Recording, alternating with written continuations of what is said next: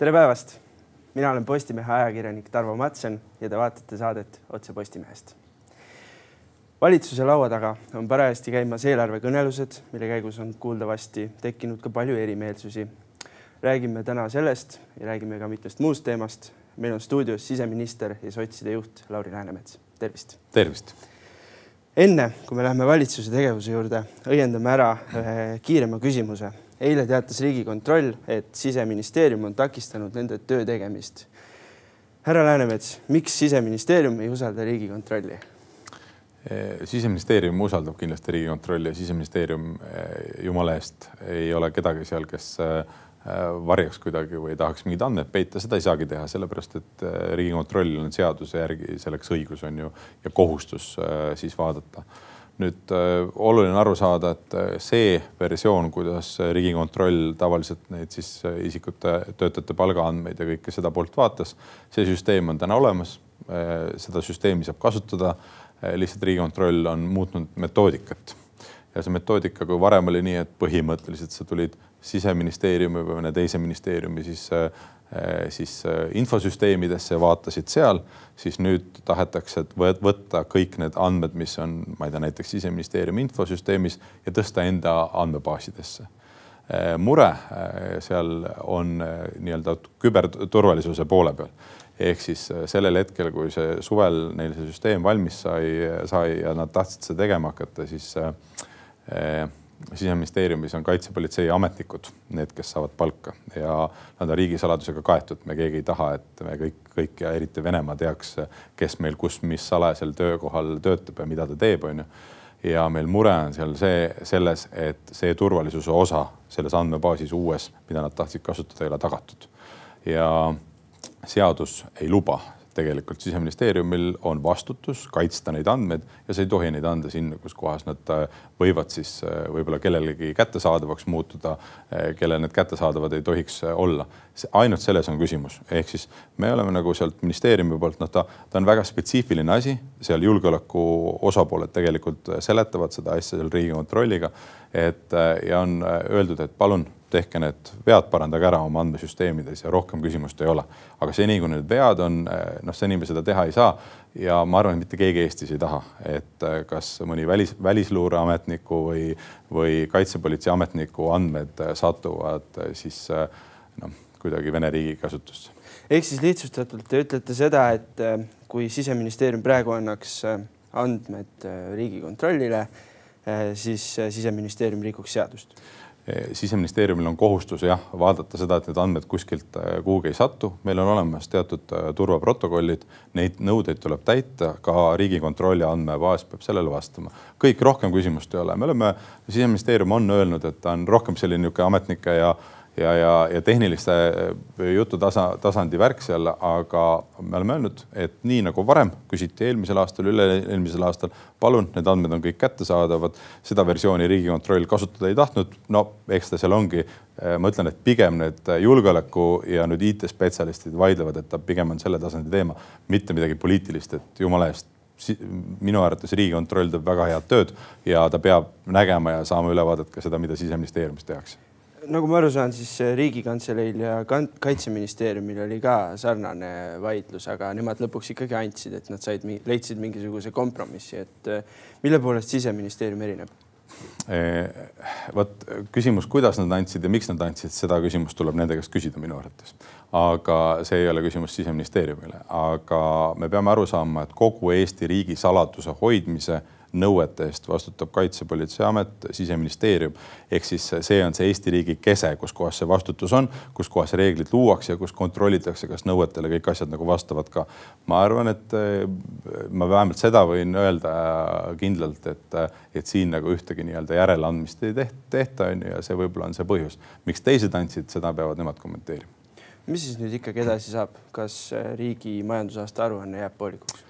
Ei jää, et äh, tegelikult äh, Riigikontroll on ju oma nii-öelda selle praegu aruande ära teinud ja, ja selle kontrollimise ära teinud, et äh, et mul on kahju, et ta niimoodi läinud on, aga ma arvan, et järgmiseks aastaks, kui sedasama süsteemi tehakse, sama kontrolli tehakse, ma usun, et need küberturvalisuse küsimused on seal ära lahendatud, sest me oleme siseministeeriumi poole pealt on need ettepanekud tehtud ja tegelikult noh, seal on väga palju niisugust AK infot, mida ma ei saa nagu täpselt öelda, mida seal tehtud on, aga need ettepanekud on tehtud ja vastab ka ju tõele see, et varasematel kõigil aastatel on Riigikontroll nii-öelda seda varasemat metoodikat kasutades või süsteemi kasutades siseministeeriumit samamoodi kontrollinud nagu kõiki teisi ministeeriume ja mitte põhimõtteliselt ju etteheited pole olnud, et praegu oli küsimus nagu selles, et ühed tahtsid kasutada muud süsteemi, aga noh, seadus meil ei luba nagu anda andmeid sinna, kus kohas see nii kindel ei ole mm. -hmm.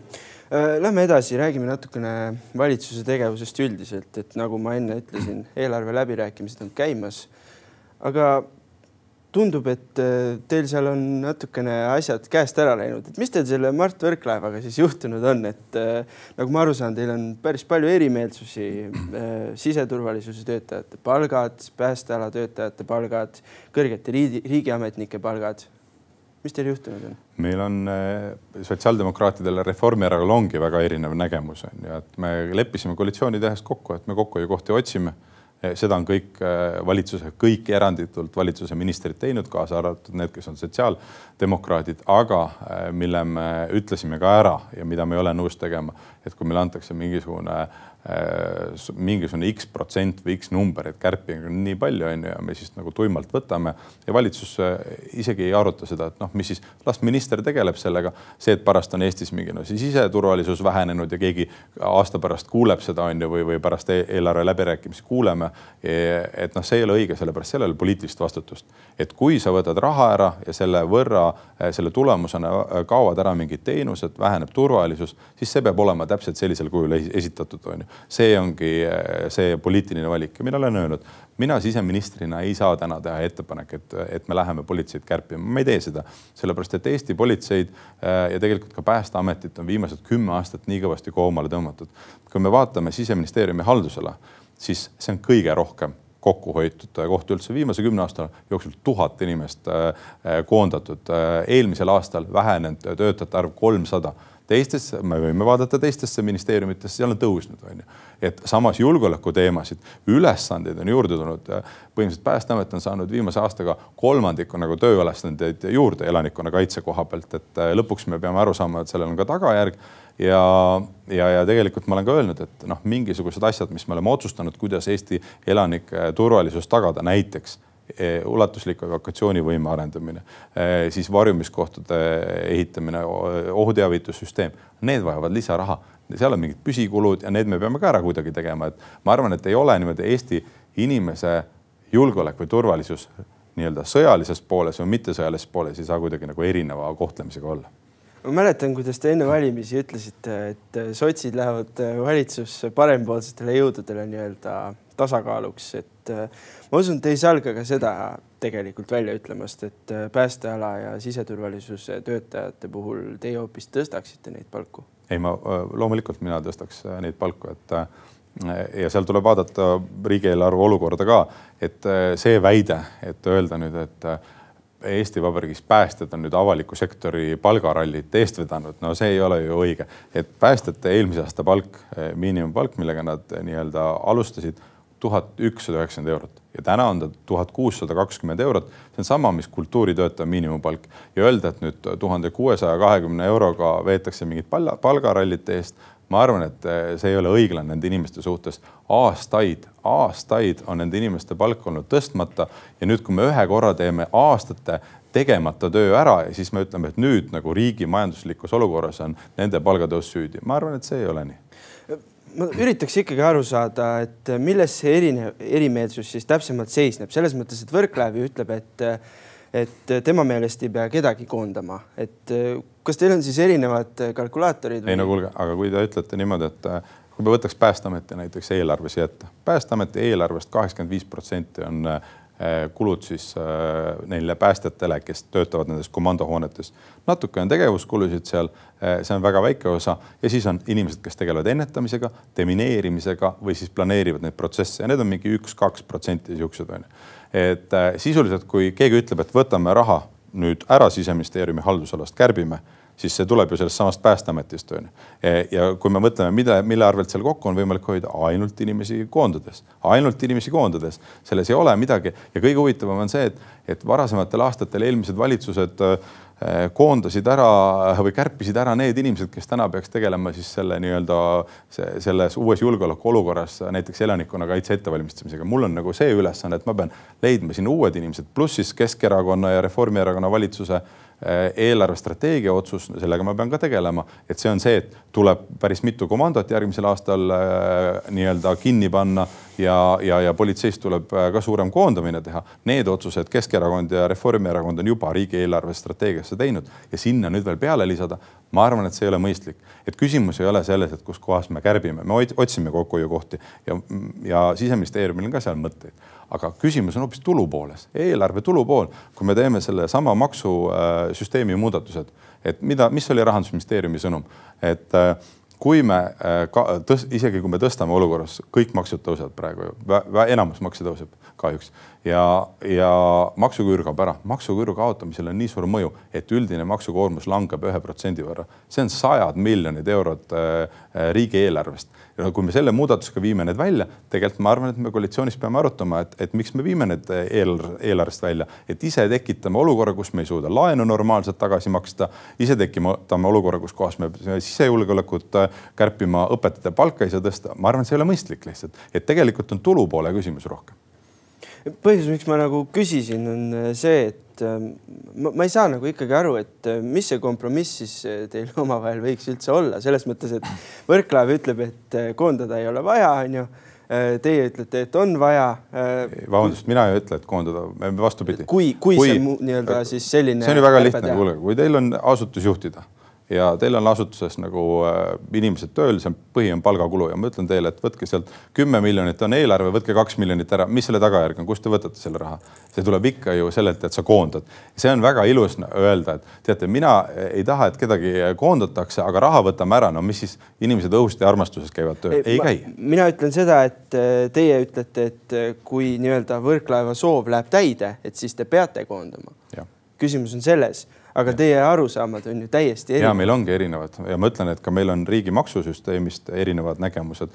Ja see sotsiaaldemokraatide roll selles valitsuses on, et me ei saa nagu riiki õhukeseks viilida, ma arvan, et et iga inimene Eestis nagu peab seda oluliseks, et see hetk, kui ta vajab abi ja tema elu või tema lähedase elu on ohus, keegi tuleb ja aitab ja oskab seda teha ja on piisavalt lähedal ma arvan, et see on kõigi jaoks oluline asi, et kui, kui me tahame seal järeleandmisi teha, siis see on poliitiline valik ja see ettepanek tuleb nii teha, mitte lihtsalt raha ära võttes. aga me räägime praegu hästi palju siseministeeriumi haldusalast, et minu arvates me peaks rääkima riigieelarvest üldse. et põhimõtteliselt me oleme seal, seal olukorras, me võime selle eelarve nii-öelda saada jonksu, ma arvan, et saamegi kokkuleppele järgmise aasta osas. aga mis juhtub tulevastel aastatel? Laenukoormus meil kasvab ühe protsendini SKP-st, see on väga suur summa, mida me eh, tagasi peame maksma intressideks, kogu aeg võtame püsikulude rahastamiseks laenu ja uuesti laenu ja laenu, aga see ei ole mõistlik. Aga seda lahendada saab ikka läbi maksusüsteemi ja seni, kuni Eestis me ei hakka maksustama rikkust ja jõukust, mis asub noh, niimoodi kõige rikkamate inimeste käes on ju, ega seni me seda riigieelarvet tegelikult korda ei saa. Ja see on põhimõtteline arutelu ja seda selles koalitsioonis ja selle eelarve tegemise juures me peame ka arutama mm. -hmm. lihtsalt märkusena, et riigieelarvest me kindlasti arutaks ka pikemalt, aga see, mis te laua taga räägite, on ju praegu äh, valdavas enamuses ajakirjanike eest saladuses. aga see selleks, äh, liigume edasi natukene ühiskondlikult ilmselt vähem olulisema teemani, aga inimeste jaoks on see võib-olla vaata et isegi emotsionaalsem. kõrgete riigiametnike palgad. Võrklaev pakkus välja, et võiks palgatõusu indeksit kärpida poole võrra ehk siis äh, kõrged riigiametnikud, ütleme näiteks järgmine aasta äh, üheteistkümneprotsendilise palgatõusu asemel saaksid viis koma viis protsenti palgatõusu. mis teil siis ikkagi selle ettepaneku vastu on? ei, meil ei ole selle ettepaneku vastu äh, kordagi olnud selle põhimõtte vastu, et meie arvates see on mõistlik asi teha, sellepärast et me oleme näinudki, et see indekseerimine liiga kiiresti kasvatab palkasid, eriti kui me räägime võib-olla siis, ma ei tea, Riigikogus või, või valitsuses.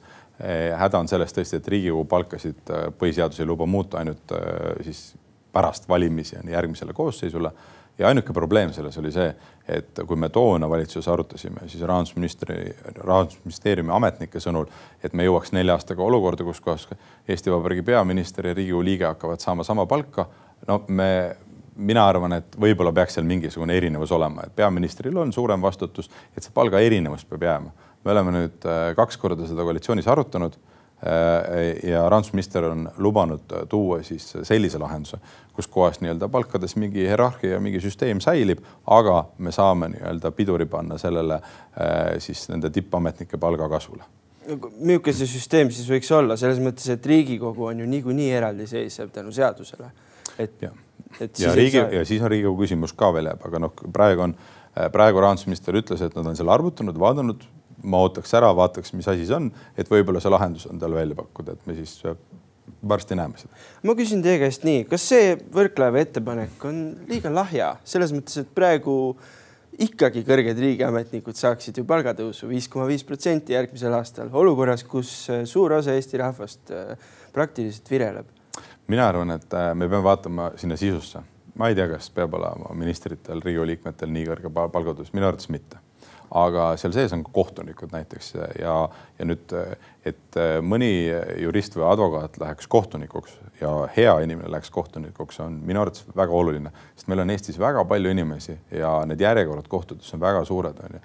et ei ole neid kohtunikke piisavalt, asjad käivad aeglaselt ja kujutage ette, et te olete noh, ma ei tea, eh, mingi mitu aastat eh, kõigepealt selles järjekorras, kus uuritakse, siis ootate, et kohtuistung algaks, siis kuna järgmine kohtuistung lõpeb, aga see on ju nagu lihtsalt inimeste elud hävivad nagu selles süsteemis. et selles mõttes see kohtunike osa, ma arvan, see on väga oluline, et, eh, et me saaks sinna häid kohtunikke, kes päriselt nii-öelda lahendaks küsimusi kiiresti ja kohtusüsteem toimiks oluliselt kiiremini.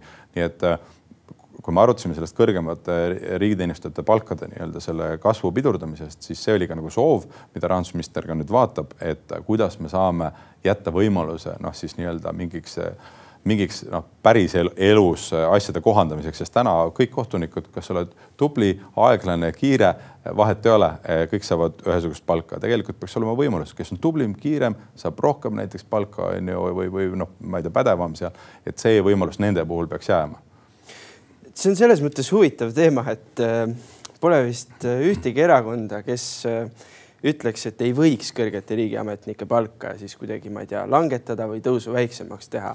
rääkisin opositsiooni esindajatega, nemad on ka selle põhimõttega nõus. minu küsimus teile sotside juhina, kas sotsid toetaks seda, et ka Riigikogu järgmise koosseisu see indeks siis võiks olla madalam? me seda arutelu kindlasti toetame, et seal mingisugune lahendus leida, sest äh, kui see süsteem tehti, ta tehti täiesti teises majanduslikus, majandusolukorras, inflatsioon oli madal, palgad seal eriti ei liikunud, sa panid selle rütmi sisse, praegu on põhjendamatult suur inflatsioon olnud, noh, hinnad on kalliks läinud ja see valem ju arvestab samamoodi. hea on see, et sama valemi järgi toimib pensionite indekseerimine, kus kohas siis pensionitõus, ma arvan, on niimoodi õig-, õiglaselt suur, aga palkade osas äh, võib-olla käib ikka liiga kiire ralli, et kui sul äh, ma ei tea, Eestis keskmiselt aasta jooksul inimestel palk tõuseb selles inflatsioonis keskmiselt kümme protsenti, kaksteist protsenti, aga siis nende riigi tippametnikel neliteist protsenti, et äh, või, või rohkem, no siis see, see koht ei ole õiglane, see ei ole, ta ei, algselt ei ole ka mõeldud niimoodi, et jälle keegi ei osanud ette näha, ma arvan, et mitte keegi ei kujutanudki kunagi ette, et Eestis on mingi ligi kakskümmend protsenti inflatsioon. jah, sellepärast et äh viimase, hiljuti siis viimase tõusuga näiteks peaministril, presidendil ja nii edasi palk tõusis rohkem kui tuhat eurot. No,. mõni inimene ei teenigi nii palju. ja täpselt. Ja, ja sellesse ma arvan, ühiskondlik ebaõiglus on, aga ma ütlen niimoodi, et, et kui suurt pilti vaadata, üks on see, et äh, tõmbame selle palgatõusule piduri peale, äh, mis on mõistlik, aga suures pildis me peaks keskenduma sellele inimesele tegelikult, kelle palk ongi nii madal. Ja see on ka oluline, see on see sellepärast, miks me, miks tõuseb äh, see alampalk on ju nii palju äh, pooleni keskmisest palgast, miks sotsiaaldemokraadid selle poole eest seisavad, sest see, et me jah, teeme õiglasemaks selle tipupalgasüsteemi, kahjuks ei anna üldse nii palju ressursse, et allpool ikka palgad tõuseks. siin on oluliselt rohkem raha vaja, on ju, ja sellest, sellega peab eraldi tegelema. sotside vasakpoolsusest natukene räägime veel hiljem, aga enne kas teie vaatasite eile Riigikogu korruptsioonivastase erikomisjoni istungit? teate, eh, ma tunnistan, et nii palju ma aega kahjuks ei leia selle töö kõrvalt, et täiesti seda istungit eh, vaadata, aga ma natukene vaatasin jah, ja ma ootasin sellest komisjonilt hoopis midagi muud, kui sealt näha ja kuulda sai. et ka Kaja Kallase vastustest, mitte ainult opositsioonist? ei, ma ütleks niimoodi, et minu arvates Mart Helme jättis kasutamata võimaluse tegelikult äh, nii-öelda luua õhkkond ja küsida küsimusi sellisel viisil, et saada ka vastused.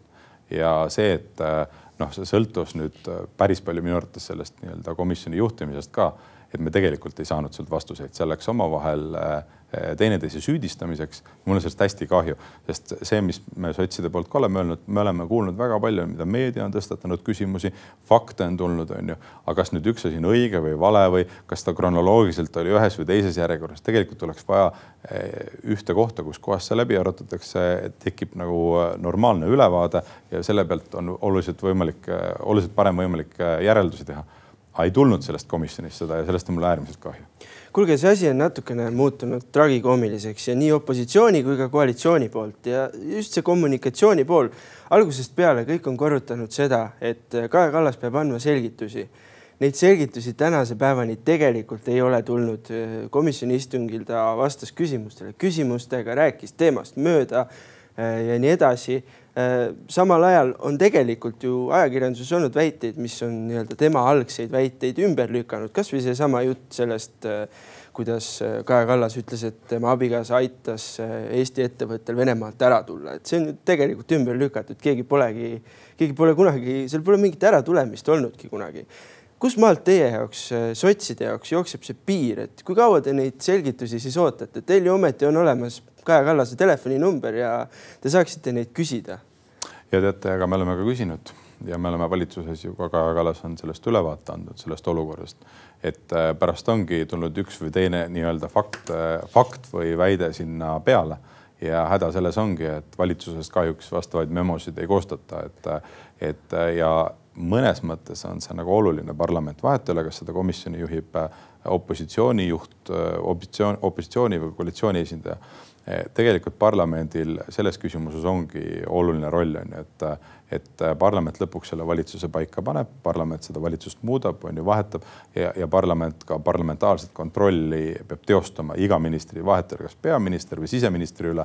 ja, ja tegelikult see komisjon peaks olema see koht, kus kohas nüüd noh, minu arvates nagu ära joondatakse see olukord, aga noh, seda eeldab ka komisjoni nagu juhilt nagu soovi seda teha, mitte seal omavahel niimoodi omavahel äh, mõtteid jagada viisil, äh, noh, mis ei anna kellelegi mingit uut teadmist. selles mõttes te ütlesite just hetk tagasi, et äh, Kaja Kallas valitsuses selgitas, aga tegelikult ja, ja. sotsid ka peale seda selgitamist veel ütlesid, et Kaja Kallas peab andma selgitusi. ja, ja, ja ma ütlesin seda ka praegu, et, et see informatsioon, no me oleme seda ühe korra valitsuses arutanud, me rohkem valitsuses pole sellest rääkinud, et me võime küsida ja ma arvan, et toona ei erinenud vastus valitsuses äh, siis sellest, mis äh, avalikkusele äh, peaminister ütles, ma arvan, et ta praegu ka nagu ei erine, aga seda, et äh, valitsuses ülejäänud valitsuse liikmed siis peaministri üle mingit sihukest, ma ei tea, mingit ülekuulamist teevad, noh, see, see valitsus ei ole ju selle, selleks mõeldud ja see koht, aga selleks on tegelikult parlament ja parlamendil mõnes mõttes needsamad, need kolm komisjoni, mis täna Äh, või vähemalt kaks, mis siis nii-öelda peaministriga kohtuvad, äh, selleks mõeldud on. tegelikult ma arvan, et riigieelarve kontrolli erikomisjon on ka nagu koht, kus kohas kindlasti võiks vabalt seda teemat arutada. sotsid äh, on võtnud sellise huvitava taktika, et kõrgemad sotsid nagu te ise on pigem nagu seda meelt, et jah, et Kaja Kallas peab selgitama, aga samas mingit resoluutset nagu seisukohta, et näiteks Kaja Kallas peaks tagasi astuma, te ei ole võtnud aga sotside seas on ka neid, kes on selliseid seisukohti võtnud, näiteks Peep Peterson, endine sotside minister, kirjutas eh, täna ühismeedias, et Kaja Kallas peaks tagasi astuma konkreetse lausena. et eh, kui palju te tunnetate seda arvamust erakonna sees? ja teate, meil ongi väga erinevad arvamused, erakonna juhatuses on väga erinevad arvamused, et eh, tegemist on Peep Petersoni arvamusega. et aga noh, me peame aru saama, mis olukord on, olukord on ju selline, et igas järgnevas Eesti valitsuses nelja aasta jooksul on Reformierakond. matemaatiliselt põhimõtteliselt ei ole võimalik äh, kahjuks, kahjuks teistmoodi, et see annaks olulist, oluliselt dünaamikat juurde. ja iga järgmise valitsuse peaministri ja koosseisu otsustab Reformierakond ja otsustab äh, suuresti Reformierakonna esimees, kes juhtumisi täna on peaminister. ehk siis see selles mõttes Eesti rahvas on selle valiku parlamendi valimistel teinud niimoodi, et et, lõpuks, kes on peaminister, vahet ei ole, mis, mis arvab opositsioon või koalitsioon, otsustab Reformierakond. Ja tegelikult me oleme ka seda öelnud öelnud, et, et see on Reformierakonna otsus ja, ja, ja ma saan aru, neil tuleb juhatuse koosolek reedel, et mina ootaks selle koosolekul ära. Sotside jaoks on siin ju ka küsimus täiesti selles, et mis saab nelja aasta pärast, et äh, äsja tulid Norstati uued reitingud, need näitavad seda, et Reformierakonna toetus äh, skandaali valguses on hoopis tõusnud. sotside ja Eesti kahesaja oma on langenud, et äh, kas see on teie jaoks ohumärk, et võib-olla peaks hoopis väike partner olema selline lärmakas? kas ta on muidugi sellepärast tõusnud, langenud, ma ei tea, kas need reitingud seda ka nagu ütlevad, et mis see täpne põhjus on. aga huvitav on see, et Reformierakonna valija annab äh, tegelikult siis läbi selle reitingu hinnangut äh, sellele olukorrale ja ma kardan, et Reformierakond teeb sellest oma järeldusi ka, et et, äh, et küsimus ei ole siis järelikult ainult Reformierakonnas, vaid inimestes ka, kes ütlevad nagu oma arvamuse nendel küsitlustel, sest nad pakuvad seda kindlust ja, ja, ja siis võib-olla nagu annavad võimaluse erakonnas teha ühe või teise järelduse on ju selle olukorra kohta, et mida nad tegema peaks. Kuidas teil valitsuses omavahelised suhted üldse on, et eh, noh, nagu ma aru saan, sotsid on selles rollis, kus eh, teie nagu ei ole nii-öelda vasakpoolsena kõikide asjadega päris nõus ja nii edasi et äh, teoreetiliselt on ju ka täiesti võimalik, et Reformierakond, nagu te ütlesite, Reformierakond on igas valitsuses ilmselt. Teoreetiliselt on võimalik, et Reformierakond ütleb teile, et kui te lärmi teete, siis minge istuge opositsioonis. no ma tahaks näha, et seda öeldakse, et äh, selle koha pealt meil on kindlasti nagu arvamus, et ükski teine erakond ei ütle sotsiaaldemokraatidele ette, mida me tegema peame. Ja ma arvan, et et seda on ka näha olnud, noh, kasvõi automaks on ju, kui me räägime automaksust meile, me oleme kokku leppinud, et see automaks tuleb, aga sotsiaaldemokraatidel on väga selge nägemus. kui rohkem busse, ronge käima ei hakka, et inimesed reaalselt saaks autole midagi muud eelistada, liikuvusreformi ei tule, väga raske on, ma arvan, seda automaksu äh, kehtestada, on ju.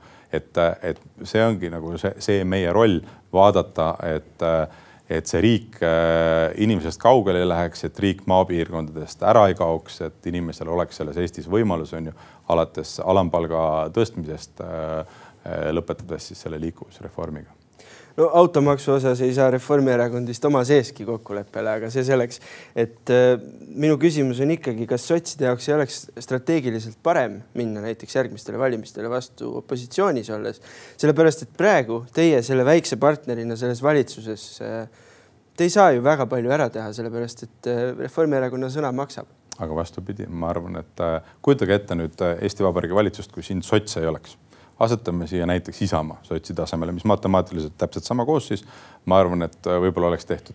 kas, kas, kas ükski neist erakondadest oleks öelnud, et teate, maksu, need maksumuudatused oleks tulnud nagunii, oleks öelnud seda, et, äh, et alampalk peab tõusma? ma arvan, et ei oleks. kas ükski neist erakondadest oleks öelnud, et paneme busse, äh, ronge rohkem tihedamini liikuma, et inimesed saaks liikuma, ei oleks. kas üldse oleks jäänud see hooldereform alles?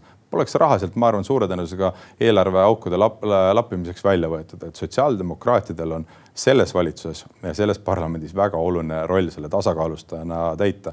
nii et, et ma, ma arvan, et ja me oleme jumala, minu arvates oleme väga selgelt ennast väljendanud, on ju ka nende kärbete osas kokkuhoiukohad mõistlikud, mõistlik riigijuhtimine, jah ja mis puudutab parlamendi tööd, ma arvan, et, et ühel hetkel ma loodan, et me suudame ära lahendada selle patiseisu parlamendis ka. ja meie seisukoht on see, et rääkima peab ja ei ole süüdi ei opositsioon ega koalitsioon üksi. kõigil on vastutus, me kõik oleme sinna valitud rahva poolt ja me kõik peame seda vastutust nii-öelda ka kandma. see on väga ilus mõte. lõpetuseks. Äh, Eesti on ikkagi tegelikult hädas ja kriisis. Äh, meie sõna Euroopas ei maksa enam nii palju meie rahaline seis ei ole kiita, äh, inimesed virelevad ja on järjest vaesemad, maksud tõusevad ja nii edasi. Äh, kas sellest olukorrast suudab Eesti välja tulla sama valitsuse ja sama peaministriga nelja aasta pärast siis? ma loodan, et suudab et äh, vähemalt äh, meie omalt poolt äh, maksimumi selleks anname, on ju, et, et kasvõi selles olukorras, kus kohas räägime, et riigieelarves pole ühe või teise asja tegemiseks raha, mina arvan, et on küll, me pole jõudnud veel hetkel aruteludega tulupoole juurde, aga näiteks pankade solidaarne maksustamine selles olukorras, kus kohas miljard eurot on lihtsalt kasumi poole, intresside tulu poole juurde tulnud, et ma arvan, et see on koht, kus kohas me saaksime päris mitu probleemi järgmise sajad miljonid eurod järgmistel aastatel, et ära lahendada ja kõige olulisem et see raha, mis Eesti ettevõtete kasumi arvelt ju noh, Eesti inimestelt võeti, kogunes raha pankadesse intresside näol, aga nad ei osta enam tooteid ja teenuseid Eesti ettevõtetelt, see raha võetakse Eesti majandusest välja, onju. jääb ka see mõnda Rootsi panka seisma või viiakse Rootsi, selle asemel tegelikult tuleks ta Eesti majandusse tagasi panna, onju. et ja see annab äh, ka võimaluse kiiremini sellest majanduslanguse hetkest välja tulla viimane küsimus, see on selline jah või ei küsimus. kas teie olete Kaja Kallasele andnud või Reformierakonnale andnud nõu, et äkki peaks peaministri välja vahetama? Me oleme, ma ei saa jah või nõu sellisel kujul pole, aga me oleme öelnud seda, et, et tegelikult Eesti rahvas, neil on küsimusi ja väga oluline, et nad saaks neile küsimustele vastused ja kõik saaks ühtemoodi asjadest aru. selge, selleks korraks on meie saateaeg läbi saanud. aitäh saatekülalisele, aitäh kõigile vaatajatele järgmine Postimehe otsesaade on eetris juba homme. seniks lugege uudiseid postimees.ee. thank you